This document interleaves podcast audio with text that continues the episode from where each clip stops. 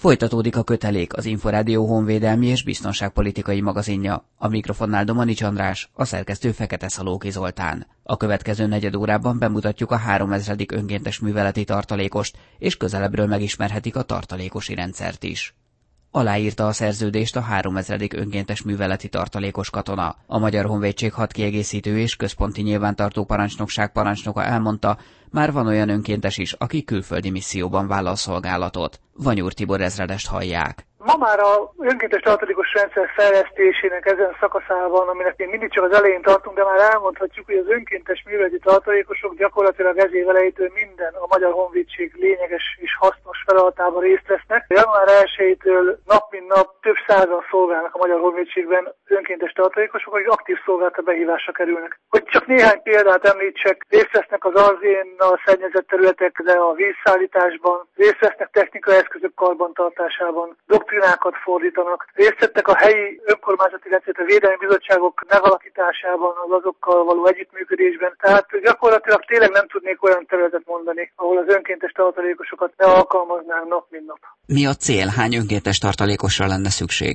A cél, amit meghatároztak részükre, az ugye 8000 fő 2014-re, és ebből most akkor úgy állunk, hogy közel 2000 fő védelmi tartalékossal rendelkezik a Magyar Honvédség, és ugye megkötöttük a 3000. önkéntes műveleti tartalékos szerzést, tehát átléptük az úgynevezett 5000-es bűvös határt, tehát most már mondhatjuk, hogy több mint 5000 fő önkéntes tartalékosa van a Magyar Honvédségnek. Az önkéntes tartalékos szolgálatnak vagy jogviszonynak az a sajátossága, hogy a tartalékost nem kötjük nap mint nap a honvédséghez, hanem ő az ide nagy részét úgynevezett rendelkezésre állási időszakban tölti, ami azt jelenti, hogy attól függően, hogy hogyan építette fel a civil életét, tanul, dolgozik, bármit csinál, családjának él, és gyakorlatilag a Magyar Honvédség, mondjuk, hogy egy évet veszünk, akkor általában felkészítésre hívja be, vagy kiképzésre. Ez az első évben 25 nap lehet, a további években pedig 15 nap évente. Ezen túl pedig az önkéntes műveleti tartalékos beosztásának kapcsolatos feladatok végrehajtására, vagy nyilván ahhoz aznak a katonai szervezetnek az érdekében, esetében, akinél neki a beosztása van, különböző feladatok végrehajtására, még behívható, ugye ez a szabály szerint három évente hat hónap, ami a tartalékos beleegyezésével meghosszabbítható, és amikor pedig behívjuk, ez nagyon sok mindentől függ, hogy mennyi időre hívjuk be, de amikor behívjuk, akkor pedig bekerül a Magyar Honvédség tényleges állományába, és akkor mindazokat a feladatokat végrehajtja, amit a katonai vezető a részére meghatároz.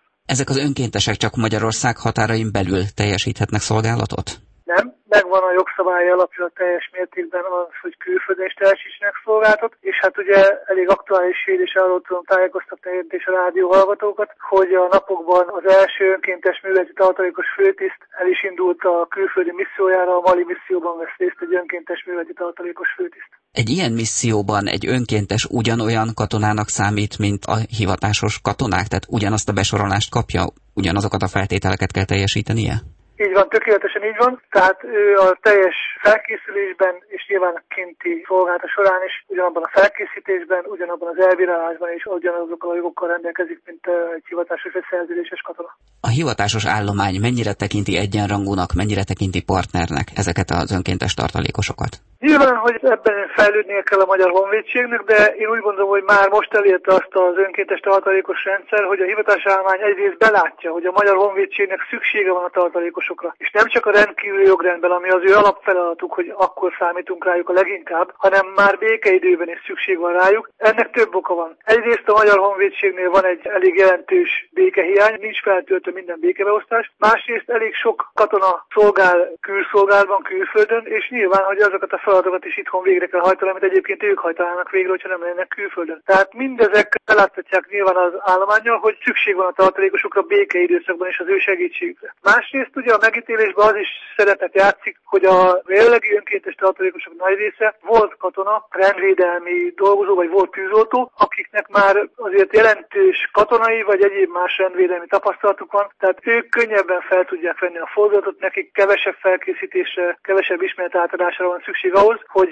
kvázi egyenértékű partnerként dolgozzanak a hivatásos szerződéses állományjal. És van egy egyre fejlődés, egyre növő másik rétege az önkéntes műveleti tartalékos állománynak, ők pedig azok, akik katonai múlttal nem rendelkeznek, úgy vágnak neki ennek a kalannak. Nyilván, hogy hozzájuk több türelem kell, nekik több kiképzésre van szükségük, de nekem nincs kétségem arról, hogy már most is ők is hasznos tagjai a Magyar Honvédségnek. Ezt bizonyították például az árvíz során, amikor mindegy volt, hogy valakinek van katonai múltja, vagy nincs katonai múltja, mert az a feladat azt kívánta meg, hogy mindenki válvetve ott legyen a gátakon és segítsen a veszélyben lévő civileknek. Tehát ez is bizonyította, hogy ilyenkor nincs különbség. Tehát ők is hasznos tagjai már most is, és ahogy telik az idő, és egyre több felkészítést kapnak, még inkább hasznos tagjai lesznek a katonatársadalomnak is. Amikor egy önkéntes tartalékost szerződtetnek, akkor mi az, amit elsődlegesen néznek? Azt, hogy ő fizikailag milyen állapotban van, vagy a tudását, tehát például egy hídépítőmérnökre van szükség. Mi a prioritás? Jelen pillanatban, amikor egy rendszert a nulláról töltünk föl emberekkel, akkor, hogy úgy mondjam, mindenkire szükségünk van, aki nyilván aki alkalmas erre a feladatra, mert azt hozzá kell tenni, hogy itt is a bekerülésnek megvannak az alkalmasság kritériumok, ezek egészségügyi, fizikai, pszichikai követelmények, vannak benne jogi követelmények, például, hogy büntetlen legyen az illető, és egyéb más olyan követelmények vannak, aminek meg kell felelni. Aki ennek megfelel, azt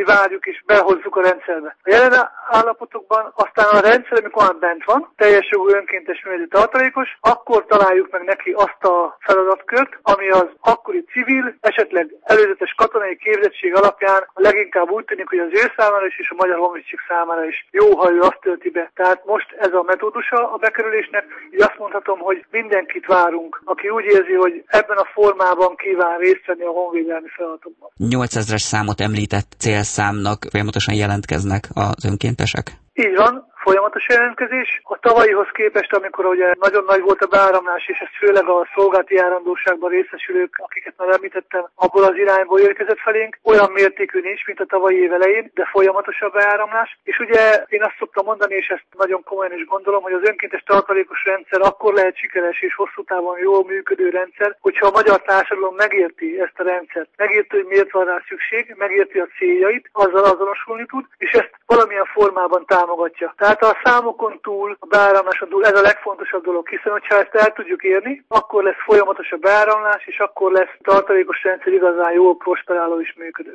Vanyúr Tibor ezredest, a Magyar Honvédség hat kiegészítő és központi nyilvántartó parancsnokság parancsnokát hallották. Szaló Péter önkéntes műveleti tartalékos volt a három ezredik, aki aláírta a szerződést a Magyar Honvédséggel. Azért jelentkeztem önkéntes műveleti tartalékosnak, mert a katonai pálya mindig is vonzott engem, és ez egy nagyszerű lehetőség szerintem arra, hogy a civil életem mellett a katonai életbe is egy kicsit belepillantjak, és hasznos tapasztalatokat és még hasznosabb tudást tegyek szert. Alapvetően mit vár ettől? Civilként a katonákat leginkább úgy ismerjük szerencsére, hogy például a gátokon dolgoznak természetesen úgymond ez is benne van a pakliban, és nagyon szívesen, illetve nem szeretnék menni, mert nem szeretném, hogyha ilyen helyzet állna elő, de hogyha mégis ilyen helyzet adódik, vagy bármi más, akkor szeretnék elsők között ott lenni. Mit szólt a családja, a környezete, amikor bejelentette, hogy önkéntes katonának áll? most már eljutottam olyan helyzetbe, hogy mindenki támogat. Az elején voltak kétségek, de, de sikerült mindenkit meggyőznem, úgyhogy most már teljes messzélességgel állnak mellettem, hogy ez egy nagyon jó dolog lesz, és ezzel gyakorlatilag ez színforz lesz az életembe az, hogy katona lettem. A honvédség részéről, a hivatásos tisztek részéről milyen fogadtatásra talált, mint önkéntes? Rátkalokkal fogadtak, úgyhogy ez egy nagyon pozitív tapasztalat volt. Mindenki nagyon készséges és barátilag, úgyhogy már egész jó emberi kapcsolatok alakult ki a kollégákkal. Hogy néz ki egy ilyen folyamat? Mi kell ahhoz, hogy valaki önkéntes legyen? Tehát valahogy nyilván olvasott róla, hallott róla. Mi történt ezután? Igen, tehát elsősorban én is a híradóból értesültem annak idején, hogy ez az önkéntes tartalékos rendszer ez kialakulóban van, és ezek után vettem magam is az interneten informálódtam, hogy mikortól, milyen feltételek mellett lehet és hol érdeklődni, illetve jelentkezni. Elmentem a toborzó irodába, ott tájékoztattak, hogy milyen iratokra, okmányokra és egészségügyi vizsgálatokra van szükség ahhoz, hogy én ezt a szerződést aláírjam, és tulajdonképpen miután ezek megvoltak, akkor értesítettek, hogy én vagyok a, a szerencsés három ezredik, és ünnepélyes keretek között lesz a szerződéskötés. Ez azt jelenti, hogy akkor innentől kezdve ön is bármikor behívható? Tehát természetesen megfelelő környezet kell ahhoz, hogy hívjanak, meg az értesítéseket azokat időben meg kell kapnom, de természetesen igen, tehát bármikor hívhatnak ettől a szerződéskötési napjától. Mit szólt ehhez a munkáltatója? közigazgatási szervnél dolgozom, úgyhogy ez nem okozott gondot, azon kívül pedig a vezetőim között is van katonai múltal rendelkező, úgyhogy még örültek is neki tulajdonképpen. Szaló Péter önkéntes műveleti tartalékost hallották. Kötelék. Az Inforádió honvédelmi és biztonságpolitikai magazinja. Most Gál Ildikótól friss hírek következnek a Magyar Honvédség életéből a honvédelem.hu portál alapján. Ezüst Pelikán díjjal tüntette ki Szolnok önkormányzata Lamos Imre dandártábornokot. A város vezetése a képviselőtestület által adományozható egyik legrangosabb kitüntetéssel köszönte meg az egy évtizedes parancsnoki munkát, amelynek révén Szolnok polgárai és a helyőrségben állomásozó katonák együttműködése mostanra példaértékűvé vált. A díj emellett a közösség fejlesztése, szellemi és tárgyi értékeinek gyarapítása érdekében végzett kiemelkedő teljesítmény elismerése is. A helyőrség parancsnok az elismerés elismerést augusztus 31-én a Városnapja alkalmából rendezett ünnepi gálán a Szigligeti Színházban vette át Szalai Ferenc polgármestertől. A katonák és a háborús polgári áldozatok sírjairól, illetve a nekik szentelt emlékhelyekről szóló magyar-lengyel kétoldalú kormány megállapodás szövegtervezetének jegyzőkönyvét írták alá a két ország képviselői Budapesten. A megállapodás a sokszor ismeretlen magyar katonák végső nyughelyeként szolgáló honvédsíroktól kezdve a magyar és a lengyel fél által több esetben közösen létrehozott emlékhelyek gondozásáig terjed, beleértve az elesett katonákra és a háborús polgári áldozatokra emlékeztető emlékművet, emlék táblákat is olvasható a Honvédelmi Minisztérium közleményében. Két tűzterész kutya is segíti a Magyar Honvédség Kabul nemzetközi repülőtér őr biztosító kontingensében szolgáló katonák munkáját. Rocky egy öt éves Jack Russell Terrier. A fajtájára jellemző makacs természete miatt egy család ajándékozta a Magyar Honvédségnek, mert viselkedése számukra már kezelhetetlenné vált. Forrest körülbelül három éves ordas német juhász. Karrierje akkor kezdődött, amikor kóborkutyaként a saját kutyáit sétáltató kiképző zászlóshoz csatlakozott. Mindkét ebb két éve szolgált szolgálja a Magyar Honvédséget. Kötelék Önök a köteléket, az Inforádió honvédelmi és biztonságpolitikai magazin műsorát hallották. A szerkesztő Fekete Szalóki Zoltán nevében is búcsúzik a műsorvezető Domani András.